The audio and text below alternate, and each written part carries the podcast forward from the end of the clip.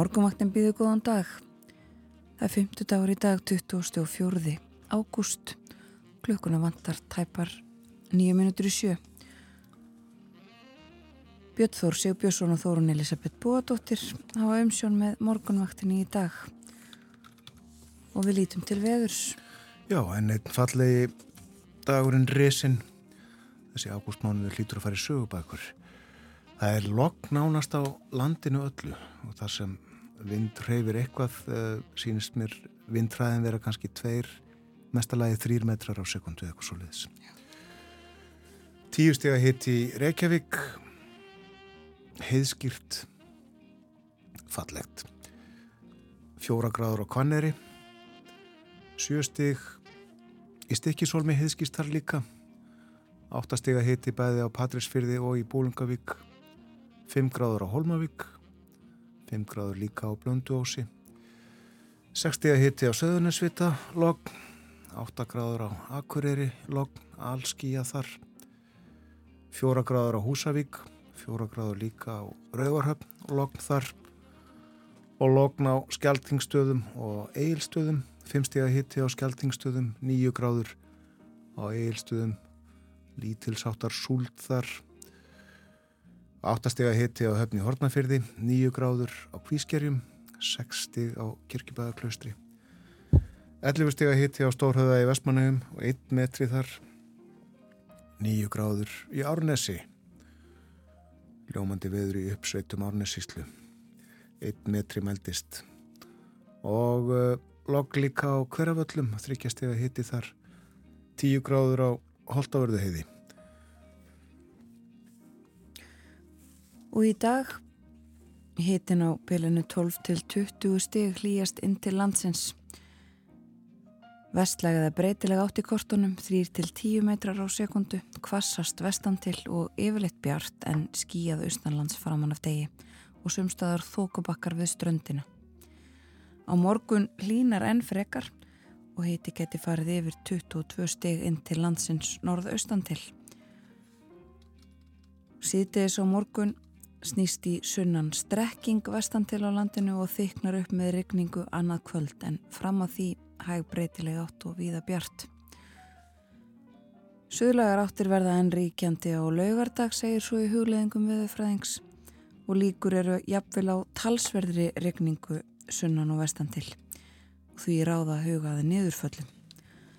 Um kvöldi fyrir að regna austanlands. Á sunnudag stýttir svo upp fyrst vestan til áfram útlitt fyrir líindi um landið norðaustanvert um helgina en það kólnar aðeins í veðri fyrir sunnan og vestan.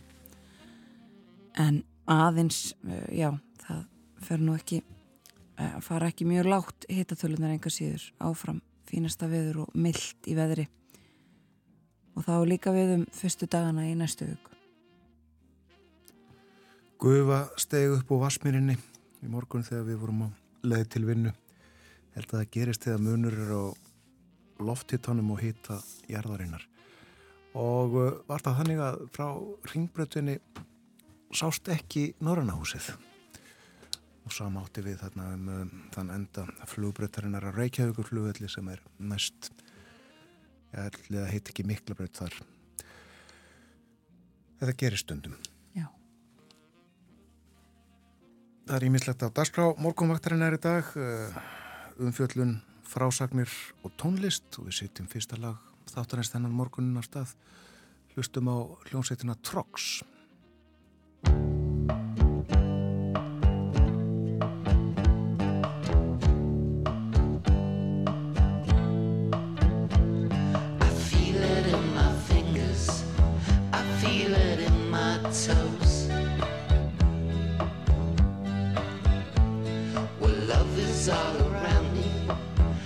so the feeling grows.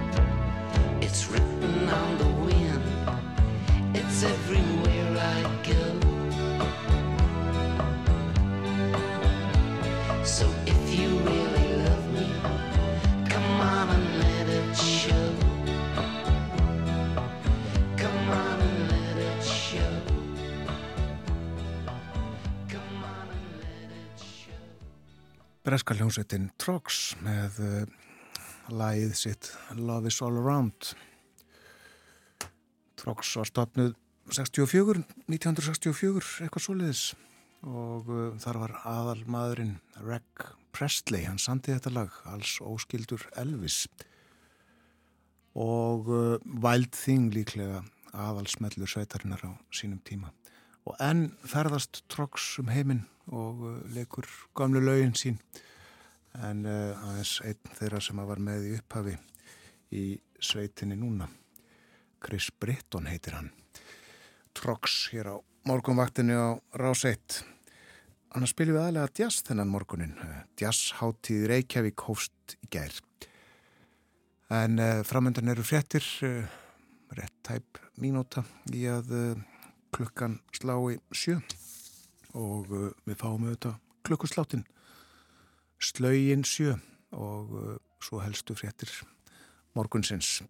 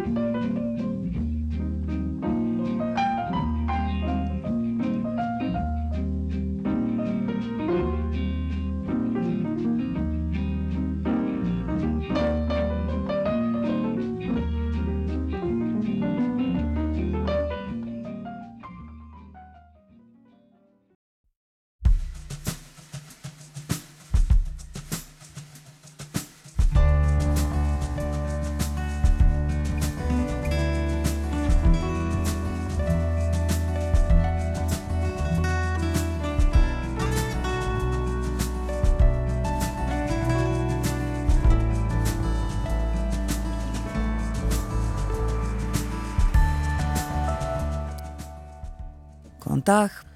Morgunvaktin helsar 5. daginn 24. ágúst. Umsjónum með þættinum hafa Björn Þór Sigbjörnsson og Þórun Elisabeth Bóðadóttir. Príkosín, leðtogi Vagner málaliðasveitarinnar fórst í gær með flugvel sem líkur benda til að hafi verið skotið niður í grend við Moskvu. Það er í það minnst að talið að hann hafi verið um borð. Um Príkosín og Pútín fórsetta verður fjallað í heimsklukanum í dag. Bói Ágússon verður hér og með okkur Jón Ólafsson, profesor, sem lengi hefur fylst náið með rúsneskum málefnum. Við ræðum líka um heilsu og heilsu eblingu barna í þættinum í dag, bæði andlega og líkamlega. Erlendur Egilson, sálfræðingur og doktorsnemi við Sálfræðidelt Háskóla Íslands verður gestur okkar eftir morgunfréttinnar klokkan átta. Og svo er það jazzinn, jazzhátti Reykjavíkur, hófst í gær og stendur til sunnudags. Hjá okkur verða tveir jazzarar, feðgininn Anna Greta Sigurðardóttir og Sigurður Flósarsson. Þau koma bæði fram á háttíðinni en verða hér hjá okkur á morgunvaktinni um hálf nýju. Lítum til veðurs. Í dag verður vestlæg eða breytileg átt 3-10 metrar á sekundu og viða bjart viðri en skíjað austanlands þó þurft að kalla. Sumstaðar verða þókubakkar við ströndina og áframhaldandi hlýjindi búast má við 20 stegum á stökustaf inn til landsins í dag. Á morgun hlýnar enn frekar og geti híti farið yfir 22 steg inn til landsins norðaustan til. Síðdegis á morgun snýst í sunnan strekking vestan til á landinu og þyknar upp með regningu um kvöldið. Suðlegar áttir verða enn ríkjandi á laugardag og líkur er á jafnvel talsverðri regningu sunnan og vestan til og því ráðað hugað niðurföllum segir í hugleðingum veðurfræðings. Um kvöldið þar að segja laugardaskvöld fyrir svo að regna austanlands. Það stýttir upp á sunnudag fyrst vestan til og áfram er útlitt fyrir hlýjendu um landið norð-austanvert um helgina en það kólnar aðeins í veðri fyrir sunnan og vestan. Já, þurfum að huga niðurföllunum. Það er að koma sá tími ásins. Við fórum svolítið yfir þessi mál með Huldur Ragnæði Átnardóttur fórstjóra náttúru og hann fara trygginga í gerðmorgun. Svona hlutinir sem við sjálf þurfum að passa vel upp á og þetta er einn af þeim hlutum. erfitt að hugsa til þess í þessu veðri sem er núna. Já.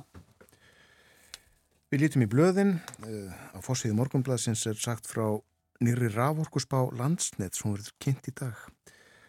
En uh, í þessari spá er spáð fyrir um þróun frambóðs og eftirspurnar á raforku til 2060. Og uh, hér segir í engangi fréttarinnar markmið stjórnvaldaðum orkuskipti nást ekki árið 2040 eins og stemt hefur verið að. Og það þarf að uh, býða í tíu ár þar til að áfangin næst þar að segja til 2050. En að mati landsnetts þá tvöfaldast ráorkumarkaðurinn við full orkuskipti. Og raunhæft sé að ná markmiðum á forsendum notkunnar það ár komi ekki til takmarkana á frambóði orku. Og þetta eins og áður saði er talað um 2050 ekki, ekki 40 eins og stjórnvöld stefna að. Og landsnett telur að vöxtur markaðarins verði að talsverðu leiti hjá heimilum og smerri fyrirtækjum fyrstu árin. Og það vegna orkuskiptana og því er spáðað áformum nýjar vassafls og jarðvarma virkjanir ásamt stekkunum þeirra virkjana sem fyrir eru munu ekki döga fyrir orku skiptum. Og ítalega fjallaði þetta inn í blæðinu líka. Á forsýðu morgunblæðsins er eh, mynd sem að tekin í Borgarholt skóla þar sem að nefendur í bílgreinum hafa undanfarin misseri að því að gera upp Jaguar bifrið Haldós Lagsnes Nobelskálds glæsilugu bíl sem að eh, lengi stóð við eh, klúrastein og gaman að skoða hann þegar satni var heimsótt. En uh, hann var komin til ára sinna og, og er og þarnaðist mikils viðhalds. Og uh, hann hefur verið tekinn algjörlega allur í gegn. Og á myndinni má sjá nefendur í bílamálun standseti bílinn eins og segir hér og nefndurnir eru nafngrendir og heita Elma Bjöstóttir, Silvíja Karen Ragnarstóttir, Solrún Eva Hilmarstóttir og Stefán Árni Stefánsson. Og þetta eru þetta aðtiklisvert vegna þess að þessar bílgreinar hafa nú verið talda lengi miklar karlagreinar. Já.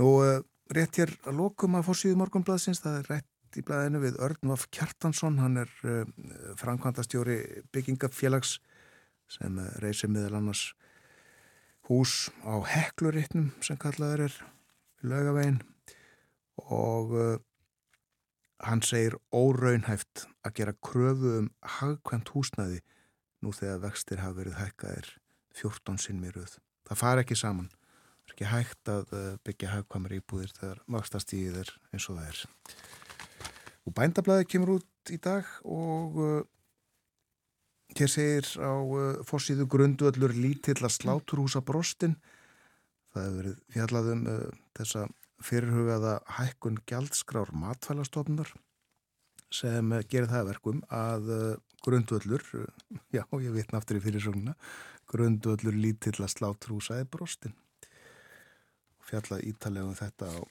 fórsíðunni Forsýðu myndin tekinn eh, á hinsmestramóti Íslenska Hessins í Hollandi um daginn.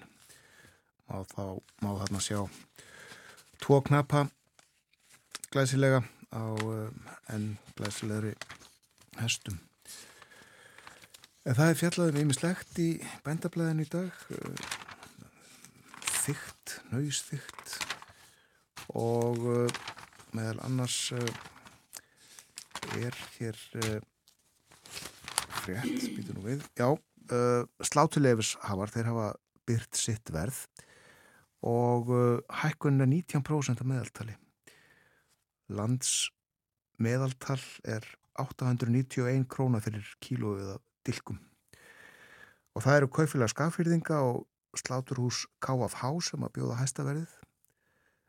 903 krónur fyrir kílóið en Fjallalamp, Norrlenska og SAH afurðir borgar legstaverðið 886 og svo er í bendablaðin í dag eh, yfirlit yfir réttir höstsins það er hefjast held í fyrstu í byrjun september og eh, réttað hér og þar um landið í allar helgar í september og eitthvað enn í oktober er hérna gott yfirlitt í miðofnum frettablaðsins um fjárréttinnar og uh, svo er hér líka yfirlitt yfir stóðréttinnar og þær eru í september og fram í oktober löfskálarétt til dæmis uh, 30. september. Við erum nú eftir að skoða þetta betur. Sannlega Það líður að haustinu. Sjáum það greinilega þegar yfirlitið yfir, yfir fjárréttinnar og stóðréttinnar er byrt í bendablaðinu Já, enda bara vika eftir af ágúst þó að veðrið segja okkur stundum annað. Það er rétt, við kveðjum ágúst uh, á 50 daginn næstu viku. Já. Mm. Aðeins út í heim um, það eru þetta stærsta fréttin alþjóðlega um, um þennan atburð í Rúslandi flugslis eða flug uh, atvik eftir því hvort að uh, vélinn hafi verið skotið niður eða hvað gerðist en þar sem að talið er að uh, ég kenni prík á sín yfirmaður Vagnir málarlega sveitana hafi farist á samt nýju öðrum. Fjallaðum þessi mál í flestum fjölmjölum alþjóðlegum. Þetta er um, bæða á fórsýðum blaða í, á Norðurlöndunum í Fraklandi, uh, Breitlandi, Bandaríkjunum. Og uh, alls konar uh, alls konar útleggingar á þessu og möguleikum veld upp í nokkrum breskum blaðana er talað um það að það hafi og séu farnar að stað einhverjar sögursagnir um að e, príkosín hafi verið í annari flugvél, þetta er svona allt svo litið óljóst og verið að velta vengum yfir alls konar möguleikum í, í þessari stöðu. En við förum ítarlegar yfir þetta mál hér á eftir Bói Ágússon sérstu heimsklukkan eftir frettæfilitið klukkan halv átta og eh, Jón Ólafsson, profesor við Háskóla Íslands, ætlar að vera með okkur og fara yfir þetta mál. Við ræðum líka fleiri erlend eh, mál í heimsklukkanum. En eh, af öðrum fréttum þá má nefna það að það geisa gríðar miklir gróðureldar í Greiklandi 50 eða 70 dagurinn í dag um, og um, þetta eru einhverjir viðfömmustu skóareldar sem að uh, skráður hafa verið þar í norður hluta landsins og uh, í gær þurftu uh, íbúar í svona útkverfum að þennu að, að flytti sér á brott. Og eldar víða um, 355 nýjir skóareldar sem að voru skráður í Greiklandi síðustu fimm dagana. Og uh, erfitt að eiga við fjallaðum þetta uh, í alþjóðlegum fjölmjölum líka. Og uh, af fleiri fréttum líka sagt frá því sem að tala hefur verið um að Japanir þeir hafa hafið hafist handa við að sagt, hleypa vatni úr Fukushima uh, kjarnorkuverinu út út í uh, sjó. Og þetta er umdelt og verða mótmæla þessu. Ekki síst sjómen þarna á svæðinu í kring sem hafa áhugjur af því hvað, hvaða afleggingar þetta geti haft. Og fjallaðum þetta meðal annars í, í Breska ríkisútörpunu BBC en sem fyrr segir þá förum við eh, nánar yfir erlendar frettir hér og eftir. Bara rétt áður en við segjum þessu lokið, tvær aðrar frettir á fórsíðunni á Washington Post í bandaríkjunum sem að eh, nefna má. Það var, eh, eins og við heyrðum í frettunum áðan eh, fóru fram fyrstu kappræðinar hjá frambjóðandum republikana í bandaríkunum þau sem vilja verða fórseta frambjóðandi uh, republikana nema sá langvinnsælasti Donald Trump sem ekki var með, tók ekki þátt en það voru einir átta aðrir frambjóðandur uh, í þessum kappræðum hjá Fox News. Og svo er það fréttin af uh, tunglendingu indverja sem að hefur tekist að, að koma, koma flög eða já á söður pól eða nálegt söður póli tunglsins og þessu fagnað ákaft í Indlandi um, og mikil tímamót í þessari sögu. Segjum þetta gott af erlendum fréttum í byli og uh, ef að heyra eitt lag? Já. skulum heyra jazz eins og lofað hefur verið. Kapsa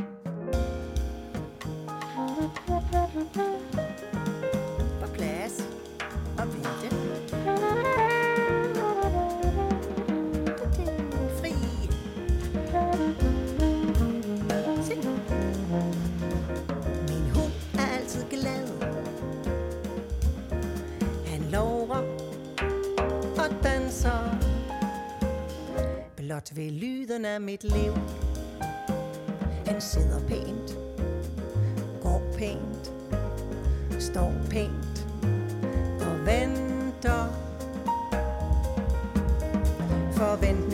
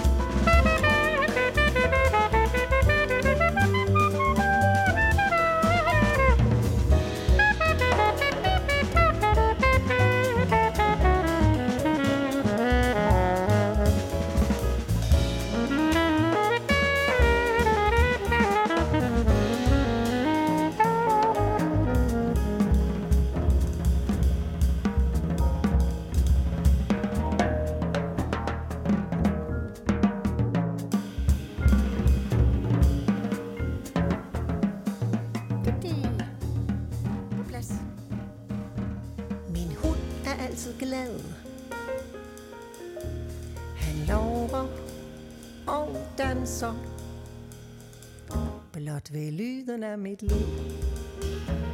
Han nikker og tækker Forstår mig, og han flår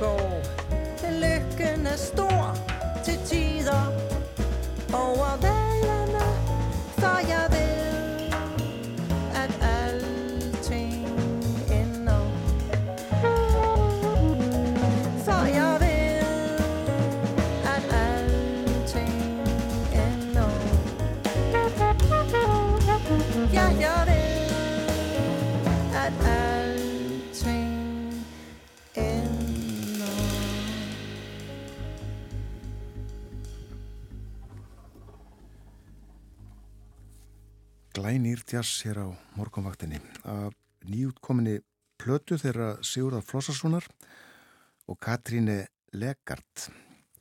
Sigurður saksamúrleikari eins og við þekkjum og Katríne söngkona. Og þau sendu plötu frá sér núna á dögunum, Stilheð og Storm heitir hún, Stillur og Stormur, Lokn og Rók, hvernig sem við viljum orða það, 15 nýlög, Sigurður Semulögin og uh, Katríne tekstana, ljóðin á uh, sínu móðumáli, dönskunni. Og með þeim spila meðal annars Anna Greta Sigurðardóttir. En þau Sigurður og Anna verða hér hjá okkur halv nýju eftir um það byrj klukkustund rétt rúmarunnar við ætlum að spjallaðum þessa plötu heyrum annað lag af henni. Og líka lag af plötu sem að Anna Greta sendi frá sig fyrir fánum árum og tilhefnið þetta jásáttíð Reykjavík sem að hófst í gær líf og fjör Á uh, dögunum kom út bók Hormóni og fleira fólk, heitir hún. Misannar sögur frá síðustu öld. Og höfundur er Haldur Ólafsson sem að lengi starfaði hjá Norrænu eldfjallastöðinni. Þetta er fyrsta bók höfundar. Hann er 86 ára. Og sögur í henni af fólki, samferðarfólki og einhverja kannski sem hann heyrði líka.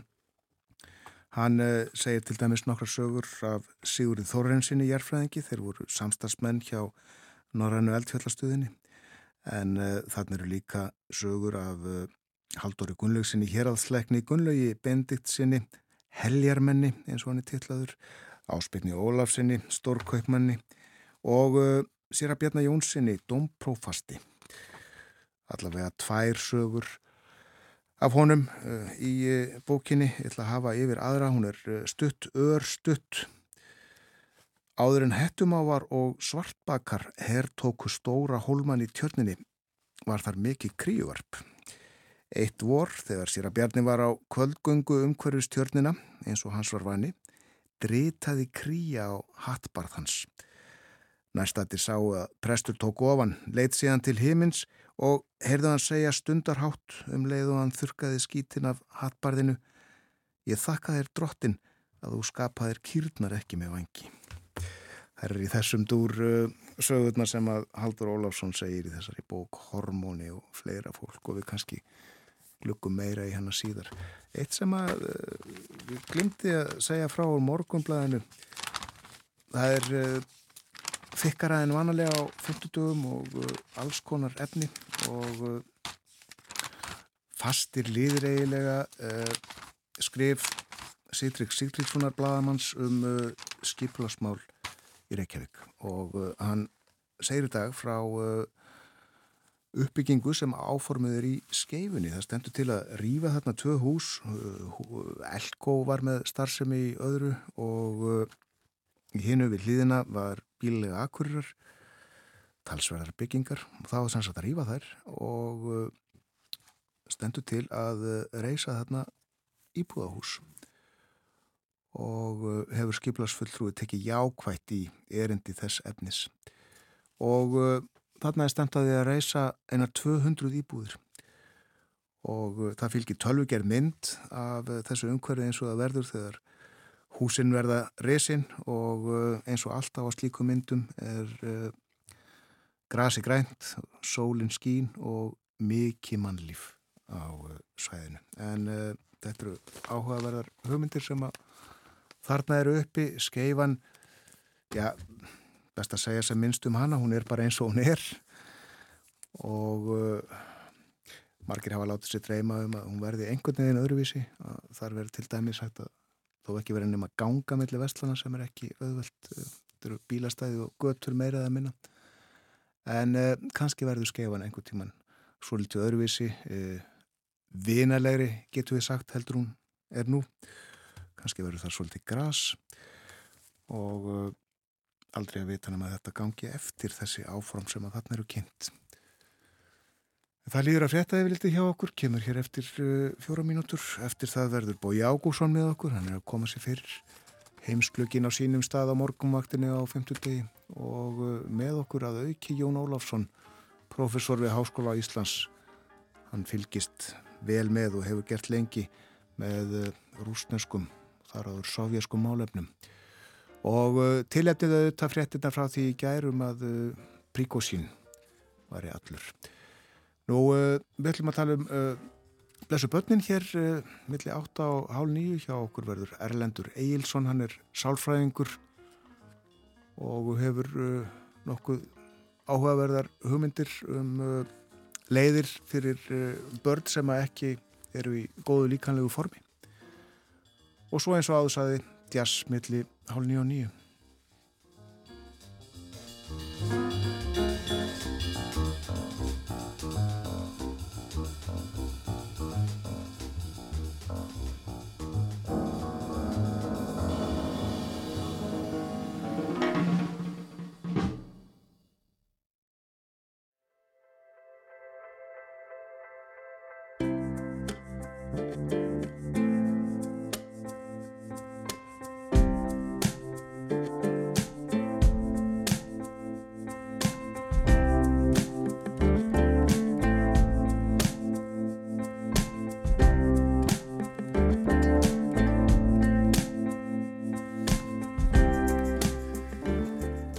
Sælan í þér að hlusta á morgunvaktina á rás 1, 50 ári í dag, komin 20. og 4. ágúst klukkan réttliðlega hálf átta.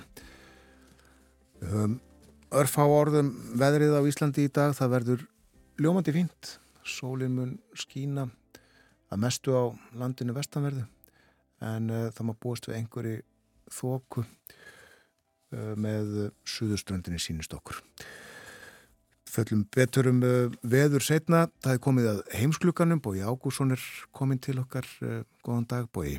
Góðan dag.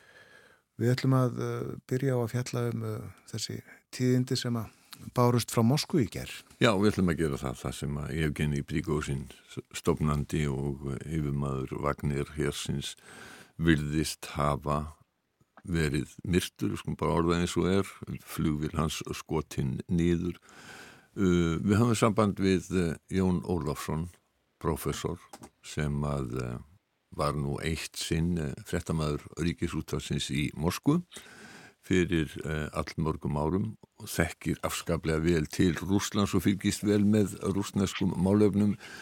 Jón er erlendis eins og er og er á símalínu hjá okkur. Jón, breska tímaritið í Economist segir að morðið á Prigósin sé staðfesting á því ef að staðfestingu hafi þurft til að Rúsland og rúsnesk stjórnum að Rúsland sé eiginlega uh, mafíuríki myndur þú taka undir mm. það?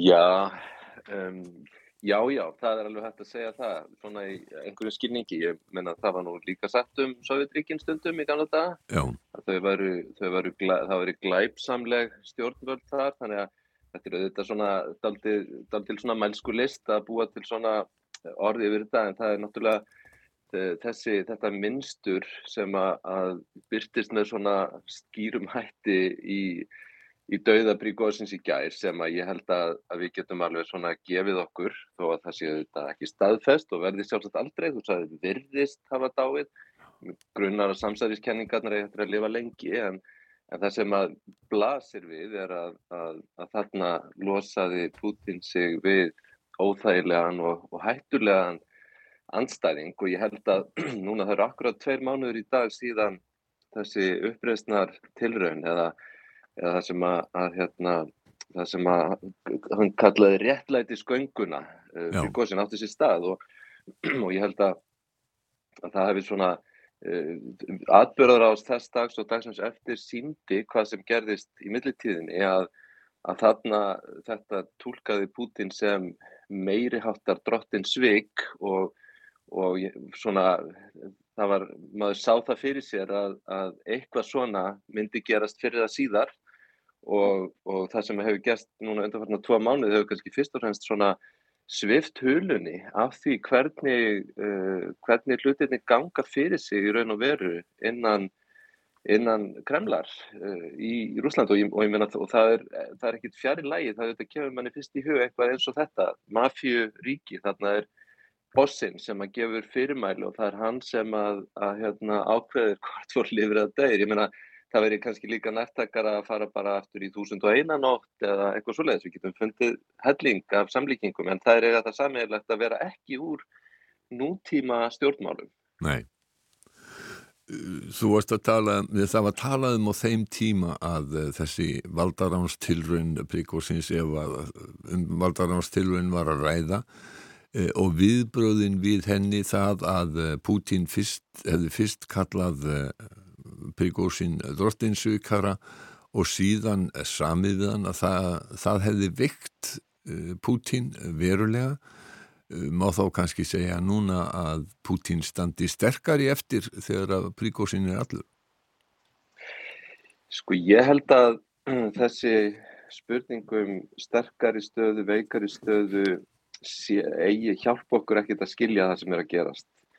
Um, Putin hefur sko gengið í gegnum ótrúlegustu hluti á sínum ferli og það sem að enkenir hann einhvern veginn er að þegar maður heldur að eitthvað hafi gæst eða eitthvað sé að gerast sem að hljóti að veikja hann og gera hann annarkort óvinnsælan eða uh, leiða fólki fyrir sjónir að hann sé nú kannski ekki heppilegast í fósiti landsins, þá gerist bara akkurat það öfuga. Svona hefur þetta verið alveg trekk í trekk, sérstaklega frá 2014. Uh, Aðtöfum það til dæmis að, að frá 2014 síðastlega tíu ár, má segja, tæmlega, þá hefur sko efnahagsli staða Rúslands vestnað stórkostlega.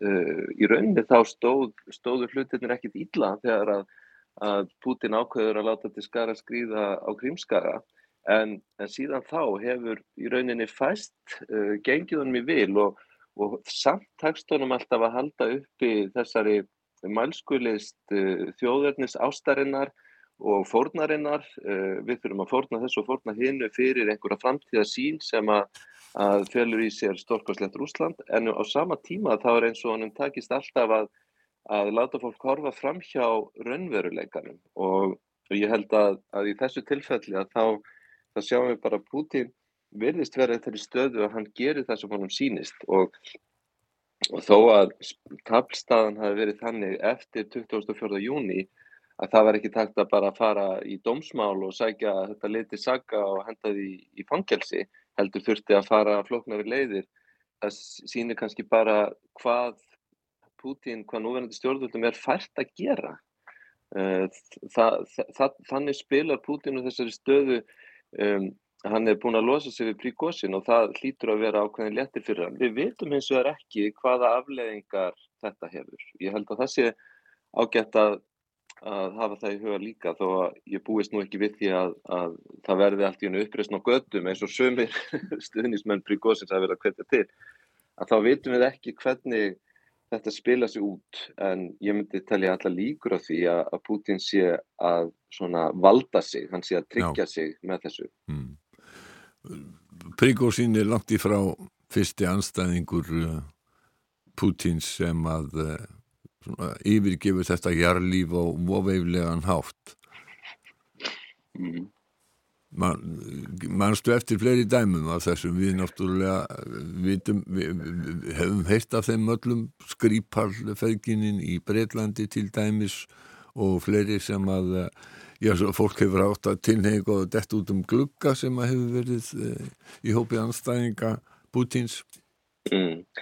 Sko, já, það eru þessar eitrunar uh, hérna, episóður, sko, eitrunar uh, dæmi, það er Litvinenko 2006 sem að sem að var beðræðilegan döðdaga vegna geyslunar, eitrunar sem að, var orkestrerað af rúsnarskum yfirvöldum og, og skrýpalfækines og Navalni náttúrulega líka en, en það sem að, það er svo merkilegt að, að stundum sko er ekki gott að segja hvort að að svona uh, aðgerðir uh, eru morðtilræði eða, eða til þess ætlaður að skapa ógn og óta og það virðist nú vera ef að, að stjórnvöldi Kreml ætla sér að koma einhverjum fyrir kattanér uh, þá sé það nú kannski ekkit endilega svo erfitt. Um, það er að vísu auðveldara ef að menn eru statir í Rúslandi það er kannski eitthvað floknara ef það þarf að fara til útlanda til þess að gera það. En En þetta er, ég myndi segja mitt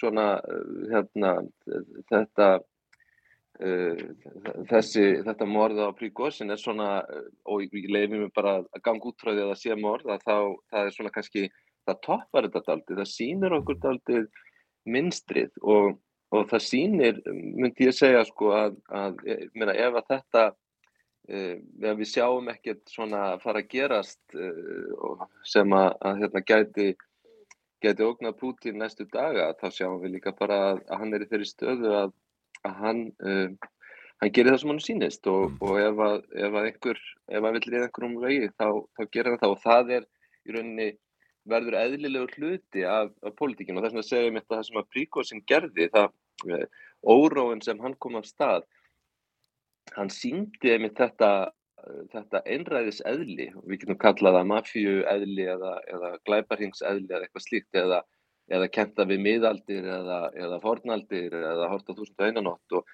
en það, það sýnir bara hversu fyrðulega uh, í, í, hvað sé, sterk eða djúb valdastaða Pútins er í, í rúsnesku kerfi og hvað, hversu langt Rúsland er frá því að að, að svona uh, í rauninni sína einhvers konar nútíma mynd stjórnmála.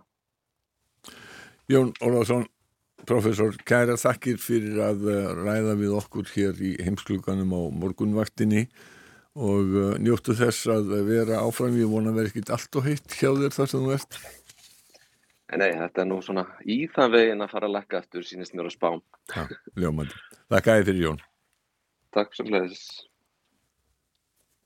Já, þetta og mennið viljast vera sammála um það að e, þetta andlát Bryggósins og hans e, nánustu samstagsmanna hafðist vera sem að staðgengillans hafi líka verið e, myrtur ef við gefum okkur það eins og Jón gerði að þeir hafi verið myrtir að fyrir skipun Pútins Rúslands fórseta.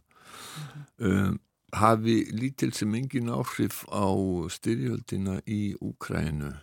Úkrænumenn voru undir það búnir að um, það yrðu uh, harkalega loftárásir og árásir vegna þess að það er þjóðháttíða dag þeirra í dag og svo virðist sem að rúsar hafi ekki brugðist því uh, því að einhverjar, við hefum það í frettónu hér á þann að árásir hafi verið gerðar. Emitt og við fylgjumst áfram með þessu eins og Jón sagði líklegt líka að samsæriskenningar uh, lifi lengi og við fjöldum um það hér snemmi morgun að það er emitt fjallað um slíkar kenningar við að í erlendum fjölmjölum möguleikan á því að, að uh, eitthvað annað hefði gerst þarna. En uh, við ætlum að ræða fleiri mál við ætlum að tala um, um BRICS fundin í Suður Afriku mm -hmm. þar koma saman þessi ríki Brasilia, Rúsland, Indland uh, Suður Afrika og Kína, og, Kína. Og uh, þar eru leiðtóar þessara ríkja en uh, Pútín auðvitað ekki. Við rættum það eins í, í gær. Hann fer ekki þangað en það búið ekki út alþjóðlega handtökurskipan á hendur honum og, og Suður Afrikumenn aðilar að þeim samningi. En enga síður þessi fundur uh, í gangi í Jóhannesaborg og búið að bjóða fjölda annara þjóðarleitu að þangað. Um, hafa borist einhverjar fréttir hvað er að gerast á þessum fundi? Nei, það hafi ekki borist neinn stór tíðindi í þannig, sko, það voru ákveðin atriði sem að voru á dagskrá og var búist við að þeir eru uh, mikið uh, rætt á þessum fundi. Uh, fyrsta lagi að hann fyrir lengra með það þá var það afskaplega umurlegt og auðmíkjandi fyrir bæði rúsa og Pútín að hann skur ekki geta sótt þennan fund uh, vegna þess að það er uh, alþjóðlega handtökuskipun á, á Hósundalansins og þó að Suðrafrikumenn hafi líst yfir að þeir ætluði ekki handtakan að uh, þá einfallega tekur Pútín enga sensa Sergei Lavrov utanrikiðsáþari er þarna í hans stað.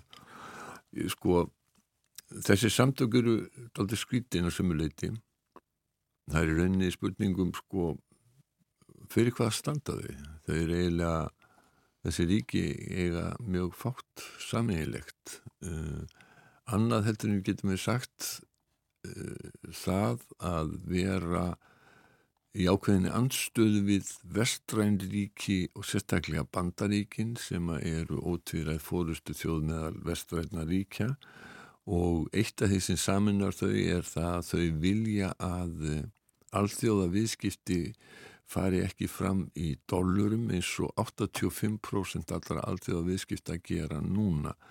Og dollarin er að mörguleiti svona ákveð valda eða áhrif að tæki bandaríkja stjórnar vegna þess að þetta er ríkjandi myndi í alþjóða viðskiptum og uh, Lula fósitt í Brasilíu hefur til dæmis og líst yfir að hann vilja að það verði bara búin til einhver mynd til þess að taka við uh, þessu hlutverki. Það er nú afskaplega ólíklegt að um, það verði að því svona allavega í bráð.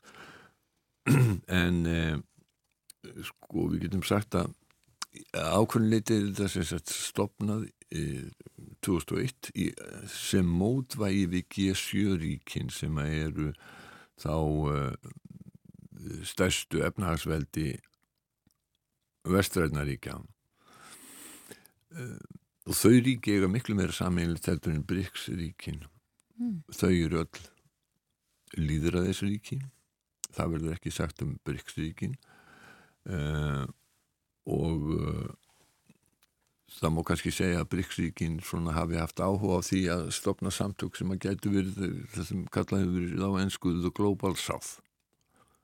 Mótvægi við, eh, við G7 já. og hann má svo sem segja að já, þetta séu samtök sem að séu skilgrind í raunin á því áhverju ríkin eru á móti.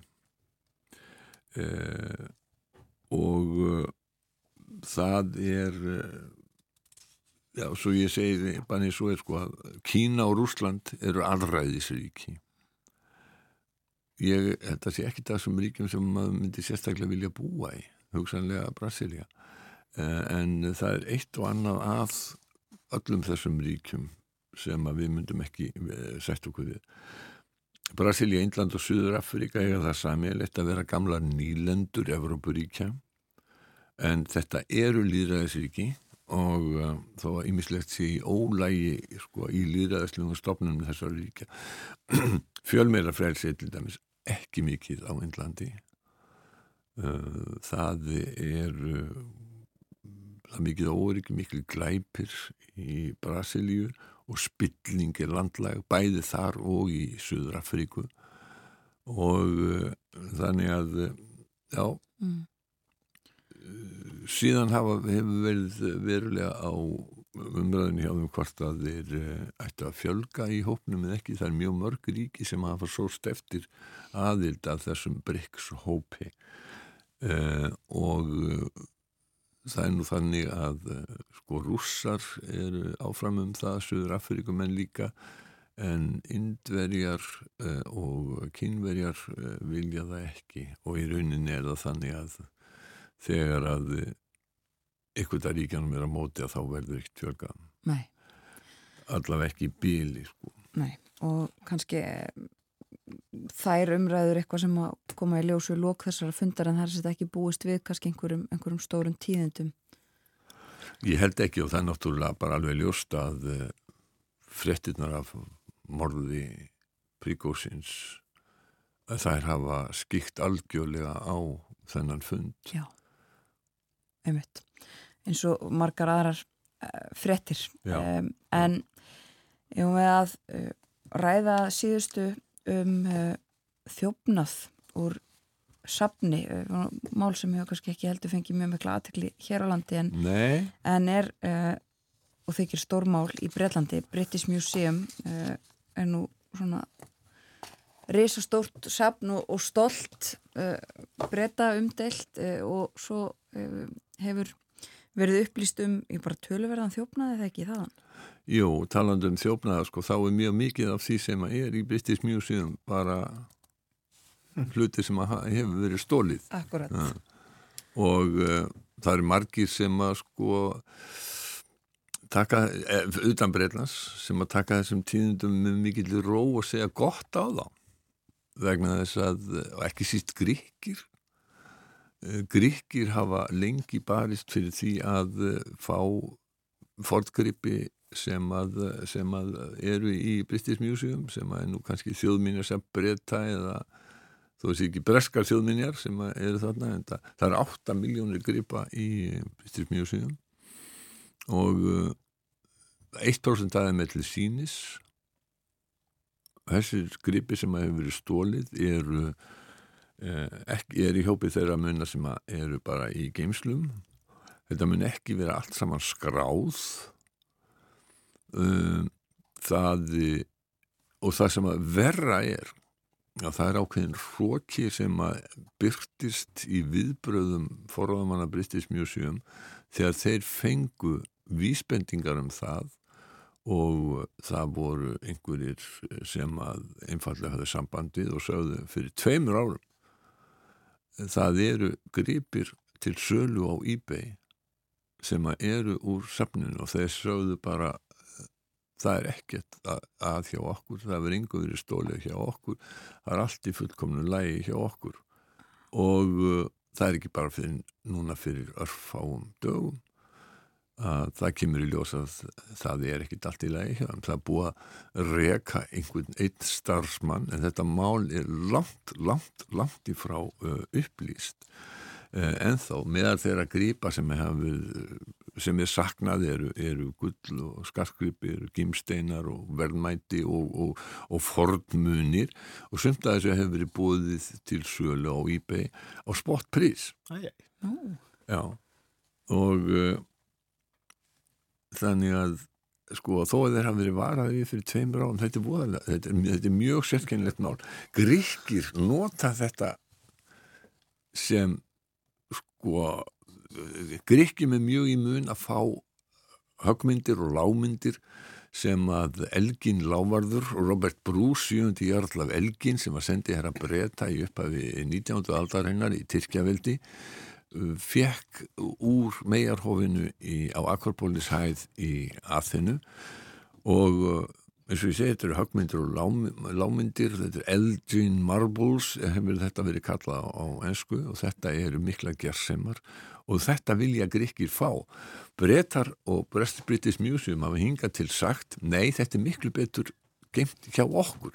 Þetta er örugt hjá okkur og nú segja gríkir, nei, þetta er sko langt í frá örugt hjá eh, ykkur og einn grískur forlegafræðingur, Despoina Kutsumba, hún sagði eh, akkurat þetta í eh, viðtali við, við British, nefnið hérna, BBC í gælu, skulum heyra aðeins í Kutsumba.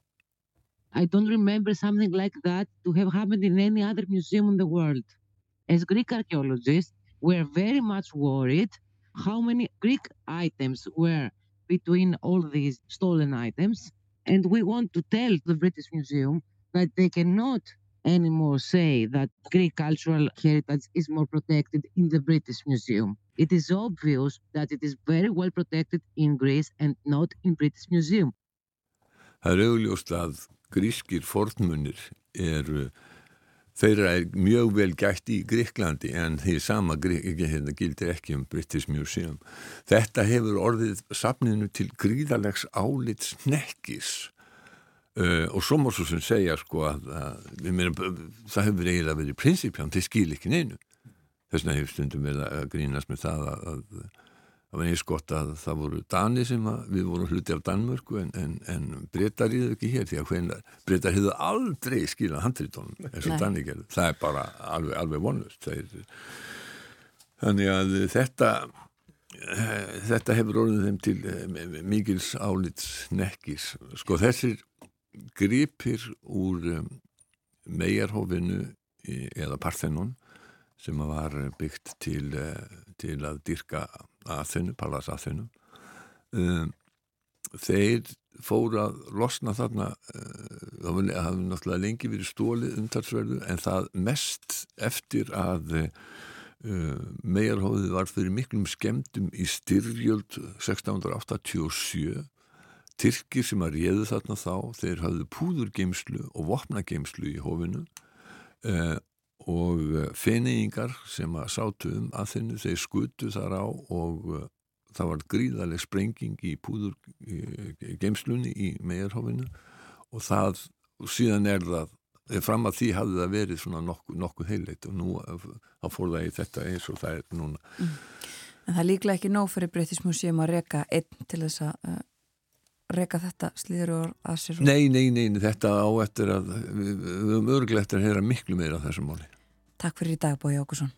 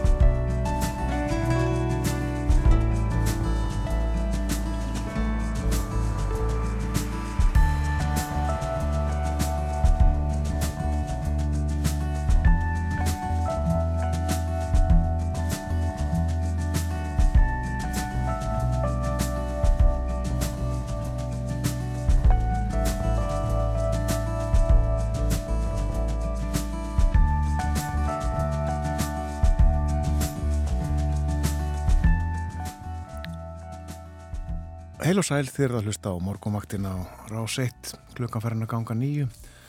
Það er 50 dagur í dag, 20. og 4. ágúst. Já, við komum staði í morgun að það er vika eftir af ágústmánuði. Já, tímin líður og uh, vika eftir. Dagurinn í dag er líka eins og við myndumst á í heimsklökaspjalli hér áðan uh, sjálfstæðistagur Úkræn. Já. Og uh, fjallaðum það en fellur í skuggan á uh, tíðendunum frá því gerðkvöld, eða gerðdag af uh, flugslýsi um, þar sem að svo verðist sem að um, yfirmaður Vagner mála leða sveitana Príkusín hafi verið ráðan á dögum á samt nánasta, nánustu samstarfsmönnum sínum. Fórum yfir það hér aðan í heimsklökanum með Bóa Águsunni og Jónu Ólafsinni profesor við Háskóla Íslands á samt öðrum erlendum málum Og minnum á að eh, eftir hálf nýju verður jazz á dagskrá, við ætlum að tala um jazz og við ætlum að hlusta á jazz. Jazz átti Reykjavíkur hófst í gær, stendur til sunnundags og eh, til okkar koma hér eh, rétt á eftir þau Sigurður Flósasson, saxofónleikari og Anna Greta Sigurðardóttir, pínunleikari. Bæði framúsgarandi í fæinu. En næstu mínuturnar ætlum við að tala um helsu, helsu eblingu barna um, til okkar er komin Erlendur Egilson, hann er sálfræðingur og doktorsnemi við Sálfræðadelt Háskóla Íslands. Velkomin á morgunvaktina. Takk hjá það. Við ætlum að tala um uh, þetta og það sem að þú hefur verið að skoða og rannsaka síðustu árin um, sko þetta tengist uh, bönnum í einhvern tíman hefði verið talað um ungmenni, úlinga kannski, eða þetta eru úlingar sem ert fyrst og fremst að skoða, er það ekki rétt um mér? Jú, Já. jú það er. Uh, það er svona mikið talað um, um þessa krakka uh, og alls konar hluti sem að þau þurfa eiga við. Uh, við sáum bara síðast í frettunum í gær, hér hjá okkur, símabann sem að verður að setja á það mikið talað um símana og, og, og alla þessa snjallvæðingu um, og þú hefur verið að skoða uh, hvers vegna eða hvort að hægt sé að nota símana til þess að hjálpa þeim uh, ekki bara neikvæðu uh, hlutina heldur, heldur kannski fyrir eitthvað jákvætt og, og hjálpa þeim í helsunni. Segð okkur bara aðeins kannski frá því sem þú hefur verið að, að skoða og rannsaka. Já, takk. Hérna, sko, það er alveg rétt að það hefur verið mikið lunra um, um sko neikvæð áhrif mm -hmm uh, snjálfsíma nótkunar og snjálftækja nótkunar uh, eh, sérleitinslu úlinga um, ég held að það sé mikilvægt sko, ég held að það sé mjög mikilvægt að halda því til haga og halda um, í þá í þann aðdeklisbúnd að þetta er tæki. Og sem tæki þú veist, þá hefur það aldrei ráðist að nefna fyrrabræði og, og gerir bara það sem við byggjum tækið um að gera og sem slíkt er það frábært. Um, og, og hérna það sem við uh, viljum gætnan uh, aðtuga og fá betri upplýsingur um og, og, og verða svolítið fróðarum uh, er hvernig við getum nota uh, snjaltæki til að auka heilsuhegðun og sérlega hjá uh, krökkum og úlingum sem þurfa um, sem þurfa mikið á því að halda. Já. krökkum sem fórst í kvíða eða deburð eða krakkar sem eru í ofþyngd eða ofþyttu uh, og, og nú er það þannig að eiginlega öll íslensk börn hafa aðgengi að snjaltæki uh, þannig er það líka í bandaríkjunum og í öðrum Európulöndum um, en það sem er og, og sko og svona mjög hófleg dagleg nótkunn við erum spendandi þess að þau séu að svona lámarki fjóra klukkustundur á dag í símanum. Þannig að allir er að síma og allir eru mjög mikið í símanum. En það sem er áhugavert og þar kemur þetta misræmi er að, er að um 8% þeirra eða innan við 8% þeirra uh, hlaða niður hilsuöpum og nota þau. Um, og, og, og þarna er eitthvað misvægi sem okkur langar að aðtuga hvers vegna þau nýta sér ekki verkværi sem eru, sem eru mikið með í höndunum til að fást við um, það sem fær á þau. Um, og, og, og það sem er áhugavert líka er sko að, að þau hérna þau það er mjög erfitt að fá þau til þess að hefja leik til dæmis í, í tengslu að nýta sér svona úræði um, og að þau, sko það er alveg ofbúslega mikið magn til dæmis að heilsu uppum á markaðum, þau eru yfir 350.000 sem við getum hlaðið niður í síman okkar og nýtt okkur. Og það eru sko yfir 22.000 heil, geðheilsu upp. Já. Sem við getum hlaðið núna niður í snjáltækin okkar en sko lungað af þessum uh, uh, þessum forritum virkar ekkit vel fyrir úlinga þau eru ekki hönnu fyrir úlinga Nei. og, og hérna um, þau sjá ekki ekki nýja að nota þau sko. Nei, einmitt. eh, Það er kannski ekki verið að skoða þetta. Þetta er meira eh, eitthvað sem er stílað inn á fullorðnara fólk. eh, Bæði sagt geðhelsu og, og líkamlega helsu. Já, Já.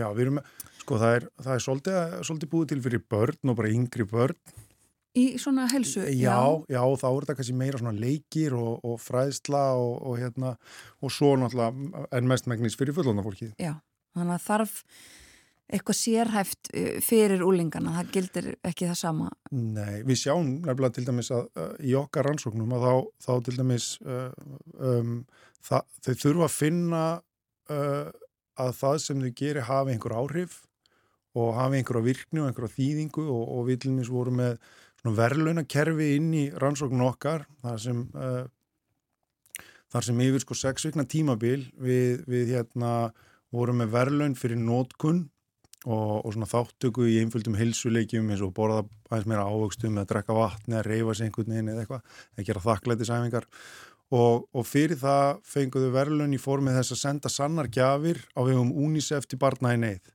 Og kostnaðurinn við að, að á hvert barni í rannsókninni hann var um 75 krónur yfir sko 6 vikna tímabil þannig að hann var mjög lár en þetta hafði til dæmis bara afgerandi þýðingu upp á það að byrja að nota og að halda áfram að nota. Um, af því að sko ef þau, þau finn ekki strax fyrir einhverju virkni fyrir sig þá bara hætta þau að nota ef þetta er ekki funksjónál fyrir þau, þá bara hætta þau En er ekki líka með talað um það að það sé nú eitt af því svona í, í þessum snjattsýmum og, öllum þessum forritum akkurat þessi eh, endurgjöf strax. Jú. og þessi stöðu að viðgjöf og það er það sem þau fá á samfélagsmiðlum Já. það er það sem þau fá í tölvuleikinu sem þau eru að spila en það er ekki það sem þau fá í, í þegar þú ert að sinna heilsuðinni með einhverjum hætti En Sko, uh, það er ekki þannig að, að þú og þið hafi búið til eitthvað sérstakt uh, forrit í kringum þetta. Þið eruð að notast við eitthvað sem er til og í þróun Já, við, það við notuðum sagt Sidekick Health og, og hérna ég var nú þar í svona uppafi og með e, framanna og, og hérna þannig að það voru svolítið svona hæg heimatök en, en og svo aðlöfu við kannski aðeins eins og til dæmis verðlunni kerfi og annað slíkt í, í tengslu við úlinga og það sem við erum að skoða sérstaklega er brottfall Já, af hverju hætta þau að nota? Að því að, að brottfall sko hjá, hjá í, í svona uh, þessum, maður að segja, snjall úrræðum við til dæmis eins og debrúð kvíða eh, er ofbóðslega hátt alveg ofbóðslega hátt. Og, og þá kannski uh, úr með sex vikna meðfrúræði þá er bara mjög ólíklegt að meir en 20% klárir sko og það, það er erfitt. Það, að því að það er svo erfitt að búa til einhverja margtækni, það er svo erfitt að fá einhvern árangur.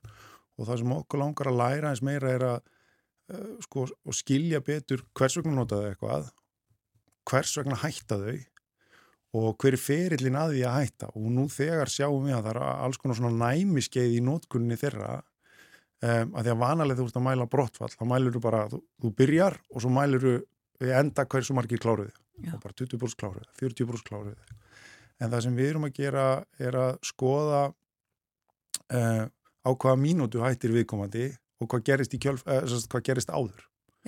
Um, og þá hefur við fengið ansi áhugaverðar upplýsingar um til dæmis mismunandi uh, svona nótkunar minnstur um, þeir sem eru þeir sem til dæmis fást við deburðarenginni um, það verðist virka svolítið vel að reyna svolítið á þau setnibortinu eða fölg kvöldin. Um, þá detta þau í að reyna sinna heilsuðun sinni. Þeir sem eru, þeir sem við svolítið hamlandi kvíða, að þá eru mótnarnir eitthvað sem, þú veist, þannig eru að læra hvernig höldum við minni til þess að klára sko. Já, einmitt. Og eru bara alls konar tækifæri í þessu uh, til þess að hjálpa krökkum? Já, ég held þessi gríðarlega tækifæri. Við mögum heldur ekki gleyma því að, að sko, það er sko, til dæmis eins og bara búseta uh, hvar við búum líka hérna á Íslandi, hvort við búum á höfuborgarsvæðinu á landsbyðinni uh, hún sko við höfum ekkert jafnan aðgang til dæmis að geðhelbriðsjónustu eða við höfum heldur ekki jafnan aðgang að gaggrindir helbriðsjónustu ef að barn er með offitt um, og þarna eru, eru tækin uh, frábær leið til þess að styðja við í rauninni eins og segi gaggrinda helbriðsjónustu sem er keirað áfram að af, af fagaðilum og því hvar þú býrð og því og til dæmis komur sér samfélagsstatus, hversu ríkir fóröldrar okkar eru eða, eða og, og ég held að þarna, þetta er líka svona ákveð, komur að segja þetta er ákveð svona, það er ákveðin jöfnur og, og, og svona réttlæti sem fylgir því að, að allir geti uh, haft jafnan aðganga að jafn góðri heilbríðsjónustur. Sko. Já, já og það eru þetta, við höfum ekki jafna aðgang en það er líka bara yfirlega að tala um það að, að það sé bara nánast engin aðgangur að þessu, það er yfirlega að tala um bara bygglista eftir bæði einmitt eh, þjónustu fyrir börn sem að glíma við eitthvað líkamleg e, og líka andleg mm -hmm. veikindi, það sé bara og það verðist lítið ganga í, í því. Þeir lengjast og, og börnum verðist líka líða verð samkvæmt rannsóknum. Já, já, og, þa og það er og, og, og svo er náttúrulega gríðarlega tækifæri þar líka að í svona til dæmis eins og vægari meðfráraðum við tilfinningavanda í fórmið deburðar og kvíða að eh, ef við, ef við náum að þróa um, úrræði sem þau í, í snjálfsimunum þeirra eða snjálftækjunum sem þau vilja nota og gagnast þeim þá sjálfgráðun alltaf enginn byggð uh, þú getur bara að hafa leikum leið og, leið og opna tækið sko. og það eru svona þannig eru það eru óbúslega tækifæri að mínum að þarna en, en eins og ég segi, við erum, við erum bara komin svolítið stutt í að um, skilja þennan hóp, það er að segja úlingana, hvað virkar fyrir þið. Það er mjög áhugavert að, að nú hef ég verið mikið með kvíðameðferð fyrir börn og úlinga og, og, og undanfæran ár og það er mjög oft þannig að þau finna sjálf ekki fyrir því að þau séu kvíðin. Þau byrja í meðferð, það er náttúrulega foreldrar þeirra sem vísa þeim í meðferð Já. og þau koma til mín þá viljaði ég að ekki koma til mín uh, og fyrsta viðtal þá er kannski bara eina markmið er að verði viðtal nummer tvö af því að þau, þeim finnst bara óþægilegt að tala fyrir framann aðra eða þeim, þau vilja bara ekki fara í sund eða þau eru ekki kvíðinn þeim finnst þetta bara óþægilegt og þessi skilningur, þannig að við erum en á meðan fullotna fólki, já ég nú lengi múin að fást í kvíða og þetta verður mjög hamlandi og, og, og þannig að sko upp af meðferðar er allt öðruvísi til þess að mörgum úlingum en, en fullortnum og þannig er bara ákveðin munur sem við þurfum að skilja og svo þróa úrraði í takt við. Mm -hmm. Þannig að það er þá kannski líka, ég myndi svo segja, svona eitthvað vægari enginni þá séu þá uh, úlingar sem að gætu líka þótt bara þægilega þá einmitt að gera eitthvað í símanum sínum en þurfu ekki að mæta uh, til sálfræðings eða, eða einhvers annars.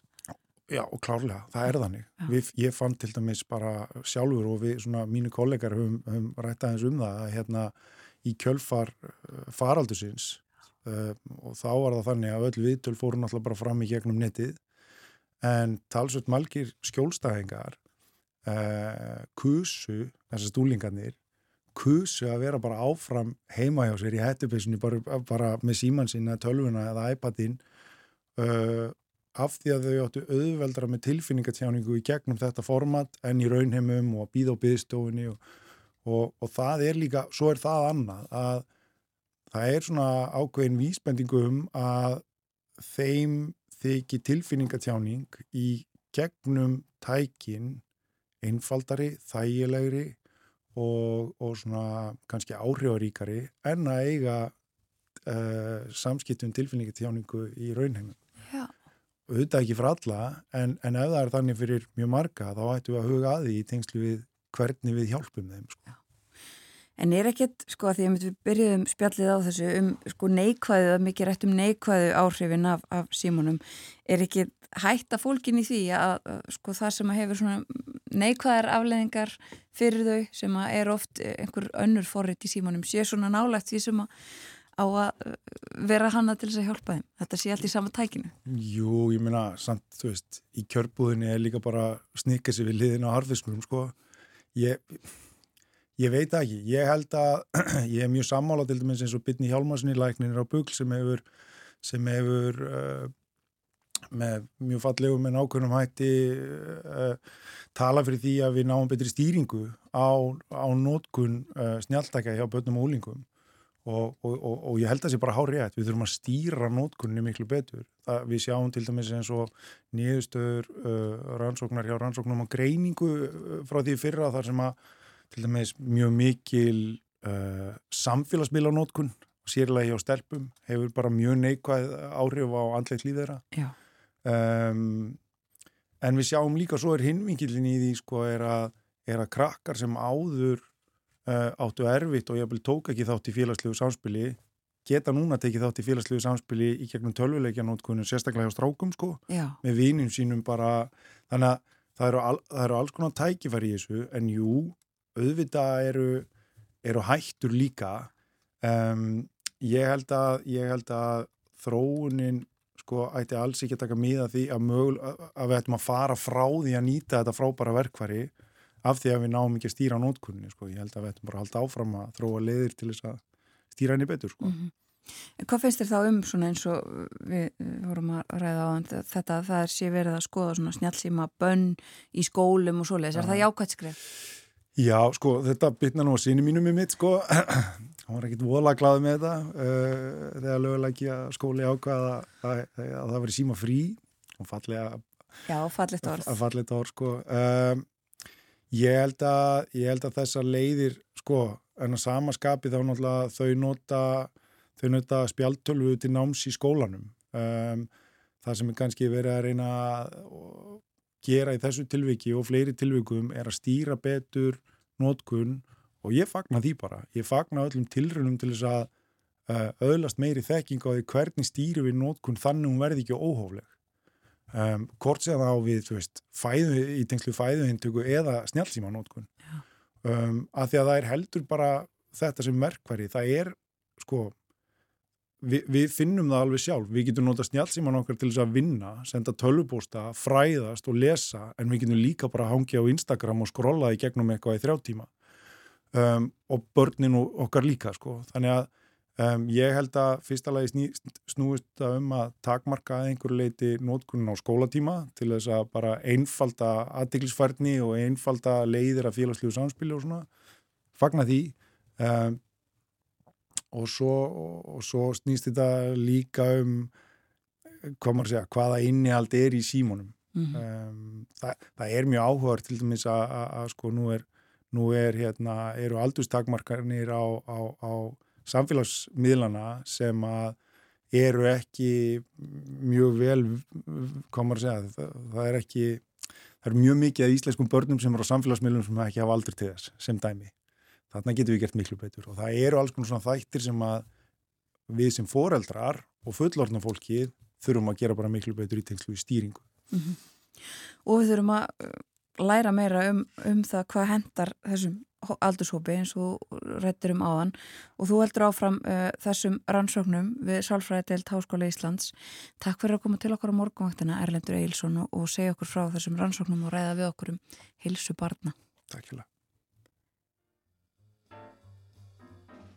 Erlendur sálfræðingur og doktorsnemi við sálfræðdeildina í Háskóla Íslands uh, að rannsaka þetta andlega og líkamlega helsu og helsu eblingu barna.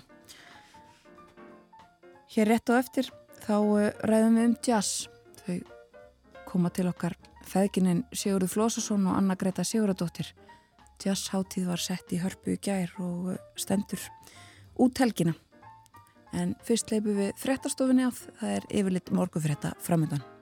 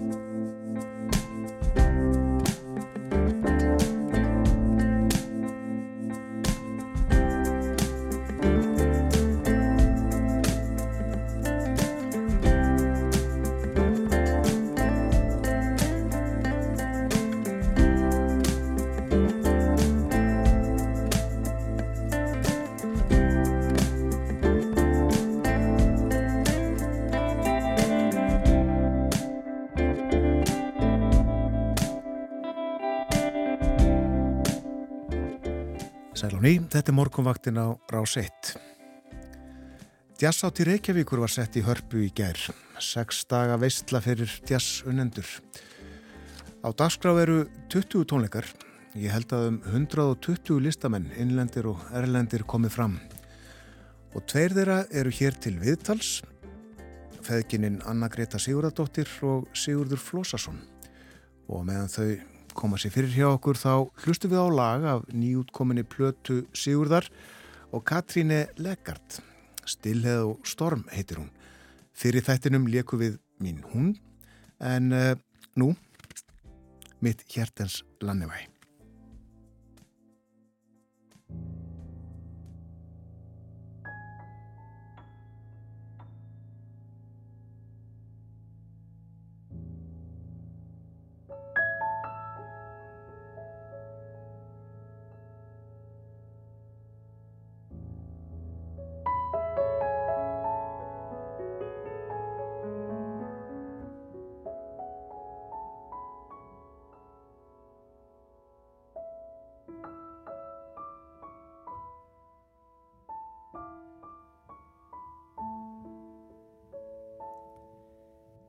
Tid, som er gået, er forbi, men den bor i mig.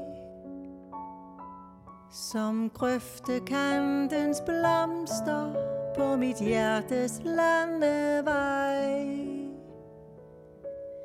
Hvor humlebier summer af liv i lyst og leg. Kendte, der forsvandt, har en plads i mig. De tisler, der ulede mit hår, dem mindes jeg. Når alting reddes ud på en forårsdag i maj. Hvor og en søster har skænket vin. Det knirker og knager fra en rusten trampolin. Snart følfod finder feste og længes mod lupin.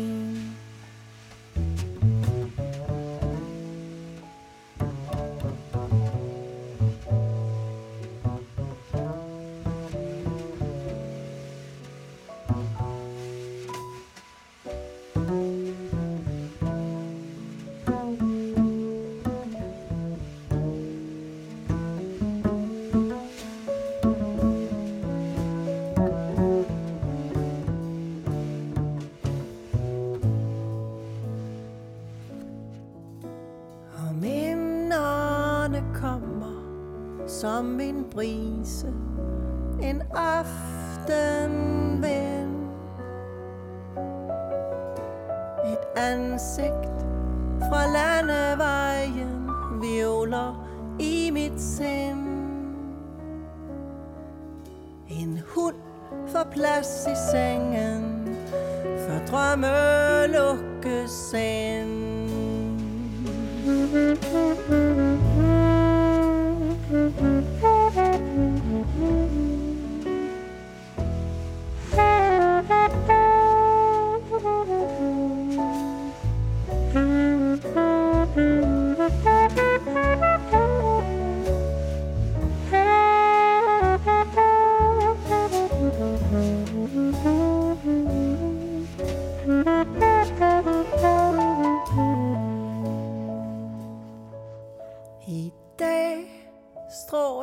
Alting er september. Et farvevel De blade, de overrumpler mig Hvert år nu vel. En skat har plukket æbler Og sommeren går på held. To små folk står og tisser ved landevejens skæld. Glænýr, íslensk danskur jazz, mitt hjertas Lannevæ. Sigurður Flósason og Katríne Legard. Og Sigurður Flósason er hjá okkur í hljóðstofu og Anna Greta Sigurðardóttir. Við ætlum að spjalla um jazz, vítt og breytt tilefnið. Jazzháttíð Reykjavík er hafinn. Velkomin, góðan dag. Takk. Takk fyrir. Sigurður, til hamingi með uh, þessa nýju plötu. Takk. Þetta er ykkar ann- önnur plata, er það ekki? Jú, næstu því þriðja, því svo fyrsta var tvöföld. Já. Segð okkur frá uh, ykkar samstarfi.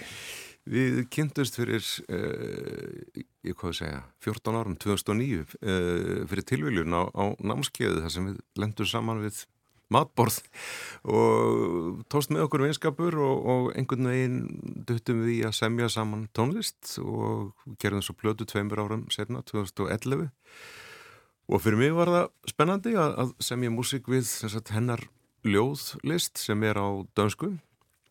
Uh, já, bara mjög skemmtilegur heimur að stíga inn í og við spilum heilmikið í Danmarku og svo var svona hlýja okkar samstarfi og uh, það er komið í gang aftur og þessi plata er afrakstur þess. Já, við þekkjum þig, uh, en uh, segð okkur aðeins frá Katríni.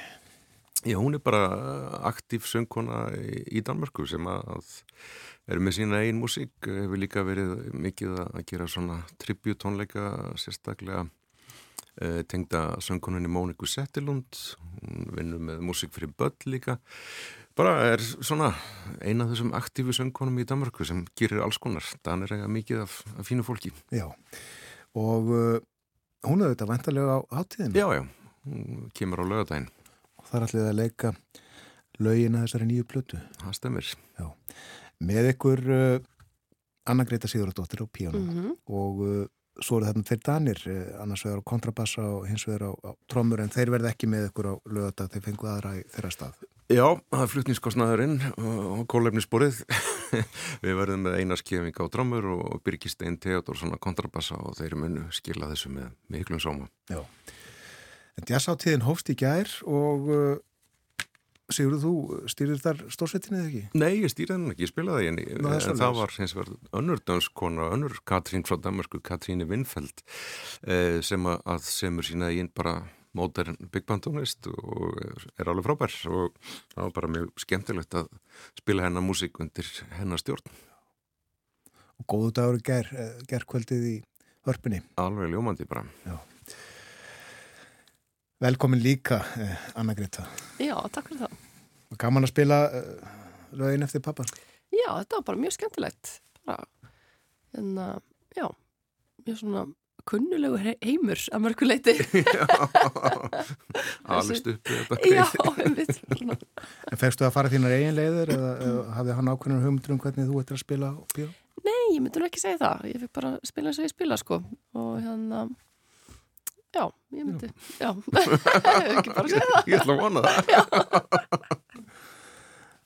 Var hún fyrsta val, Sigurður? Já, já, já, hún var það. Já. Við hefum spilað aðeins saman aður á, á plötum, en þetta er fyrsta sinn sem við sem sagt, erum á, á hillu plötu saman. Já. Og endalega ekki síðast á. Nei, mm -hmm. nei. En uh, segð okkur af, af uh, þeim tólingum sem að þú leikur á átíðinni, Anna.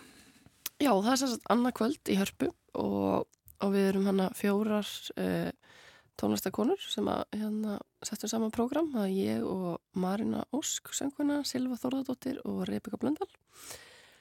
Og já, ég er mjög spenntið fyrir þessu verkefni, hérna við ætlum svolítið að syngja lög hvor annarar sko Uh, já, hann er það verið skemmtilegt þannig ég er að taka lög eftir Marinu og hún tekur lög eftir mig og Rebecca tekur lög eftir mig og Silva tekur eitt af hérna uh, Marinu lögum ef mann rétt og já, þannig að þetta er svolítið spennandi sko. Er þið ólíkir höfundar? Já, alveg já, ég myndi segja það mm -hmm. Það verður spennandi að spreita sig á einhverju öðru Já, algjörlega sko Mest fengist við Já, mjög skemmtilegt að svona og líka fá að heyra sín eiginlög sko í svona öðrum búningi og frá öðrum flytjata það er bara mjög skemmtilegt.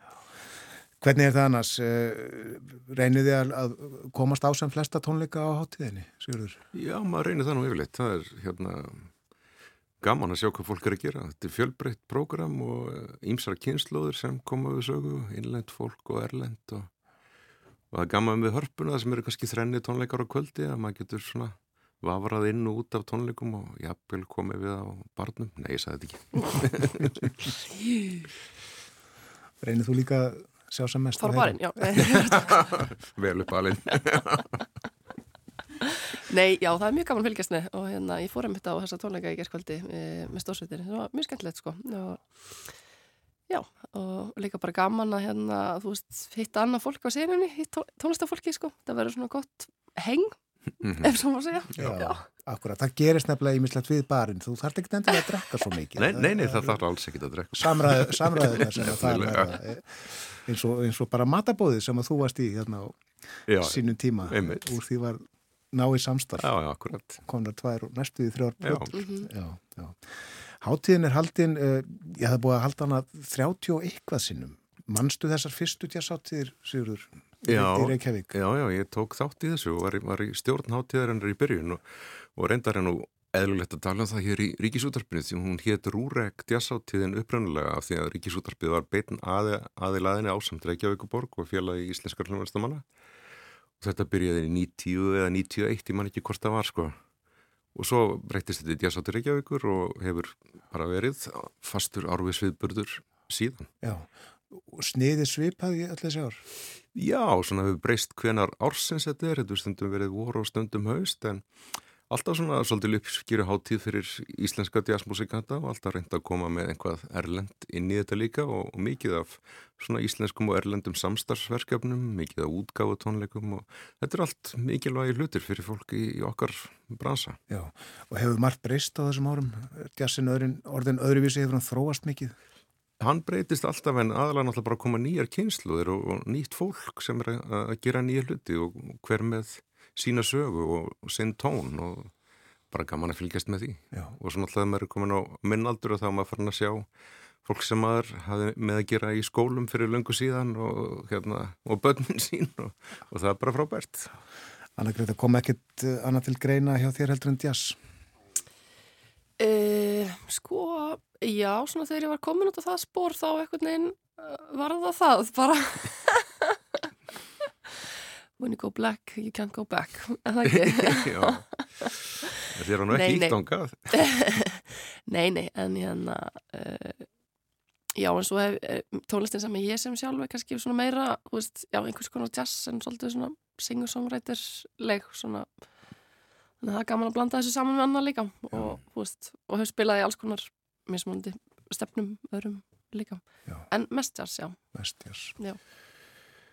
Á laugadaginn þá verður ekki bara tónleikar, það verður líka málþing um konur og jazz og uh, spurt er, akkur er ekki fleiri konur í jazzi?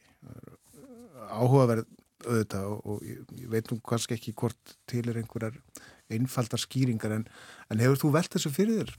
Já, já, ég hef alveg velt þessu fyrir mér og hérna, þetta er bara góð spurning sem að er hérna, kannski doldið erfitt að svara en hérna uh, já, náttúrulega bara þú veist uh, já um, Þetta er svo flókið, hérna, ég veit ekki alveg hvað maður á að byrja. En í fyrst, sko. fyrsta lagi, eru miklu færri konur í jazzinum heldur en kallar? Það er það sko og hefur verið bara mjög lengi. En þetta er alveg að breytast sko. Og það koma, er alltaf að koma fleiri og fleiri og, og sérstaklega fleiri hljóðfærarleikarar sem er skemmtilegt. Það hafa náttúrulega alltaf kannski verið söngkonur. Þannig, uh, þannig þetta er alveg réttir í leið. Og mm. Sigurður, þú náttúrulega hefur kent mörgum kynnslóðum mm -hmm. tónlistamanna. Og hafa strákarnir alltaf verið fleiri? Já, já, já, en það er mjög merkjörlega breyting og sérstaklega núna allra síðust ár og gaman að sjá stelpur sem er að spila á trommur og bassa og, og svona. Fyrst voru þetta náttúrulega mest söngunur og, og svo kannski einhver annu hljóðfæri en, en nú sér maður öll hljóðfærin og, og þetta er náttúrulega kannski bara þessi spurningum um fyrirmyndir. Einhverjir byrji. Og er þetta svona um allan heim? Já, ég held að sé bara með svip þannig. Já. En er að breytast, alltaf þróast rétt Já, já, það er bara mjög jokkvæmt Já, akkurat Þannig Greta, við ætlum að uh, hlusta næst á lag eftir þig. Mm -hmm. Segð okkur frá því. Uh, ég fekk að velja og þú svo sem samþýttir það uh, lag sem að, að heitir The Tunnel og Já. kom út á plötu fyrir fánum árum. Já. Eitthvað um það að segja, hvernig það var til? Já, þetta er lag við ljóð eftir hérna amerist ljóðskáld sem heitir Robert Creeley og mér fannst það bara svo fallast ljóð og hérna samtið þetta lag við þetta og hérna já, reyndu svona að grýpa andan í ljóðin eitthvað neginn og svona gungum og já. Er þetta einkennandi fyrir uh, þína tónlist, myndur þú segja? Þetta lag? Mm, já, já. Allavega fyrir þessa plötu.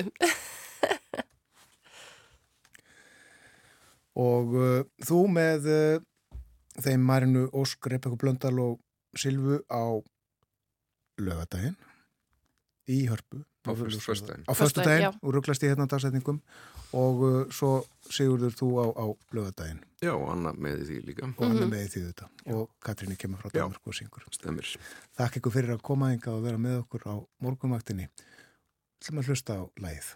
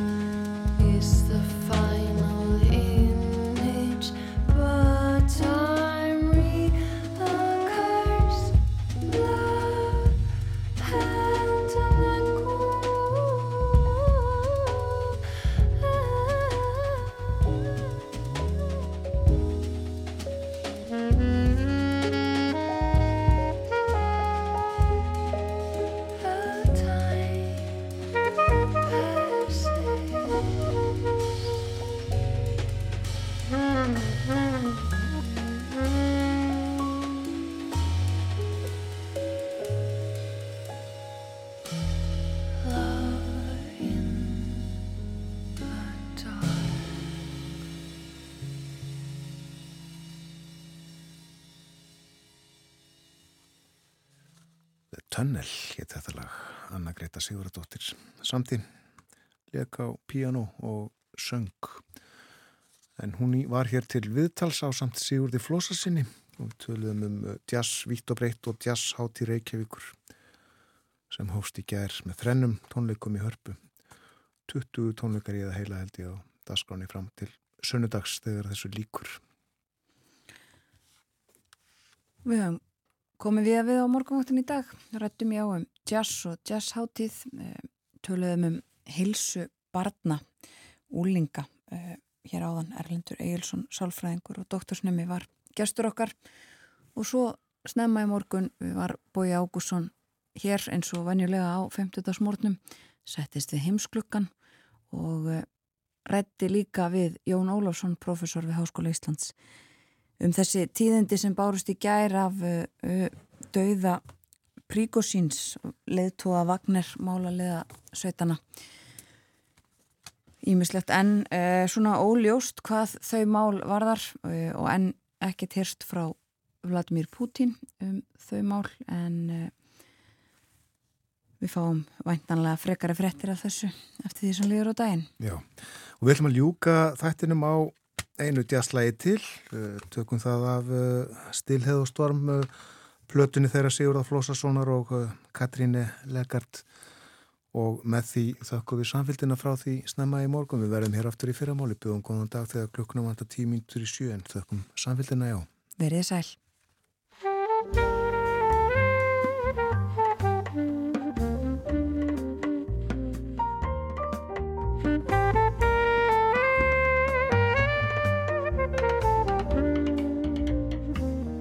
På det gamle sted.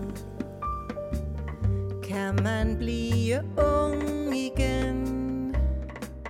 Man er altid velkommen forbi. Til lidt uforpligtende leg. På det gamle sted. Kan man folde sig ud ved at for græslåmaskiner og voksen larm. Man kan rutsche på regnbuer, ride på himmelheste, drikke bølgebrus med brumbærsmag.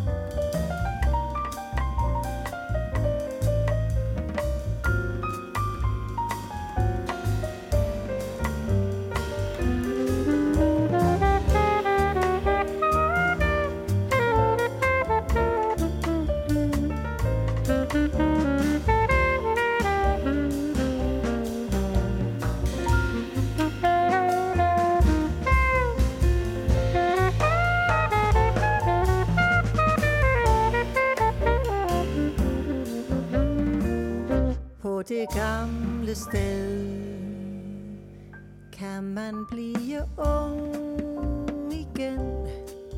Man er altid velkommen forbi til lidt uforpligtende leg på det gamle sted.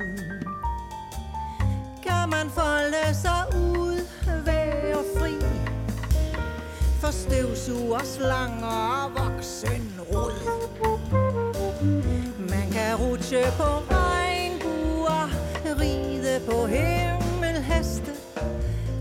bølgebrus med hindbærsmag.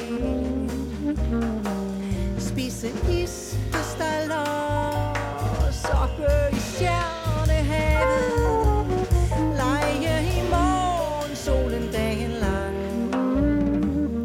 på det gamle sted vil jeg forblive